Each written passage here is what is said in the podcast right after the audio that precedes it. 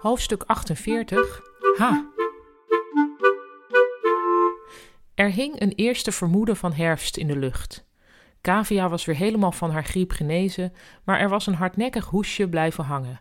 Dat gaf op zich niet, maar het hoestje klonk een beetje als ha, als het begin van een lach.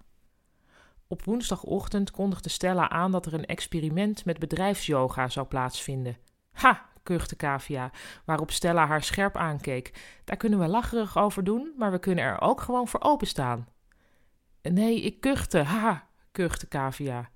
Nou, des te beter om aan yoga te doen, zei Stella opgeruimd, want het levert heel wat meer op om te investeren in de preventietak dan in mensen die zich met allerlei pijntjes en kwaaltjes onttrekken aan hun werk.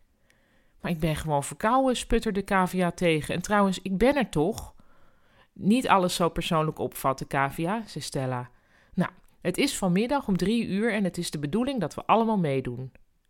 Moeten we nog iets speciaals aan? vroeg Kim. Zo weinig mogelijk, zei Ruud. Ha, kuchte Kavia, waardoor het leek of ze om Ruud moest lachen. Hij keek tevreden in het rond. De ochtend verliep rustig. Kavia moest zorgen dat er een nieuwe folder gedrukt werd en belde daarvoor met een stugge drukker in het oosten van het land. Maar vanwege haar vele kuchjes verliep het gesprek makkelijker dan ze had gedacht en aan het begin van de middag kon ze de bestanden al naar hem mailen. In haar hoofd was ze de dag alweer aan het afronden, maar toen zwaaide de deur open. Een man met grijs haar stond glimlachend in de deuropening. Hi, hi, zei hij. Wie van jullie is Stella? Stella stond haastig op om de man een hand te geven. Dag Gerlof, fijn dat je er bent. Tegen de andere zei ze: Dit is Gerlof, van de bedrijfsyoga. Kavia zag dat Gerlof op blote voeten liep. Daarna zag ze dat hij zag dat ze naar zijn voeten keek.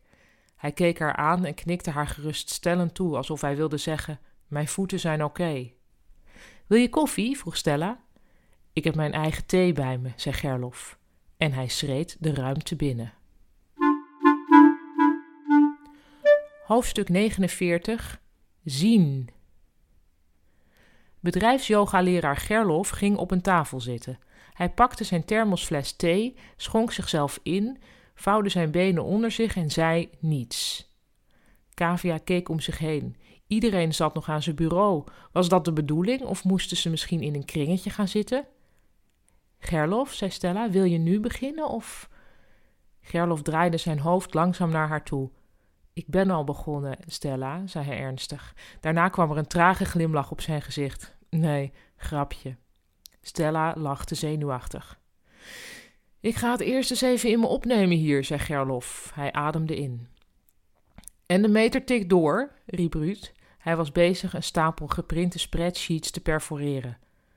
Gerlof keek hem aan en zei niets. Hier leek zelfs Ruud van onder de indruk. Sorry, zei hij. Ik werk met een flat fee, zei Gerlof. Dat klonk niet erg yoga-achtig, maar het was dan ook bedrijfsyoga. Kavia begon respect te krijgen voor de man met de blote voeten die iedereen eronder kreeg. Wil je een koekje? vroeg ze. Hij glimlachte weer. Nee, zei hij, maar dank je voor dit teken van aandacht. Hij sloot zijn ogen. Kavia ging weer verder aan haar nieuwsbrief. Ze moest af en toe kuchen, maar verder was het ongekend rustig op de afdeling. Iedereen was aan het wachten tot Gerlof iets zou doen. Na een kwartier was de nieuwsbrief af en begon Kavia te draaien in haar stoel. Er gebeurde nog steeds niets. Zou ze nog snel even bellen met het hoofdcommunicatie van het moederconcern? Daar moest ze zich nog steeds toe zetten. Ze keek naar het visitekaartje dat nu al dagen op haar bureau lag. Net toen ze met tegenzin de telefoon wilde pakken, zuchtte Gerlof en zei: Ik zie hier heel veel mensen die in hun hoofd zitten. Ik zie heel veel activiteit in de hoofden en in de handen, maar er is weinig aandacht voor de rest. Nou, begon Ruud aan wat waarschijnlijk een schuine grap moest worden. Ik zeg alleen wat ik zie, onderbrak Gerlof. Iedereen mag iets anders zien. Kavia gniffelde zachtjes. Vreugde is goed, zei Gerlof. Lachen is goed. Toen wipte hij van de tafel af en gebood: schoenen uit.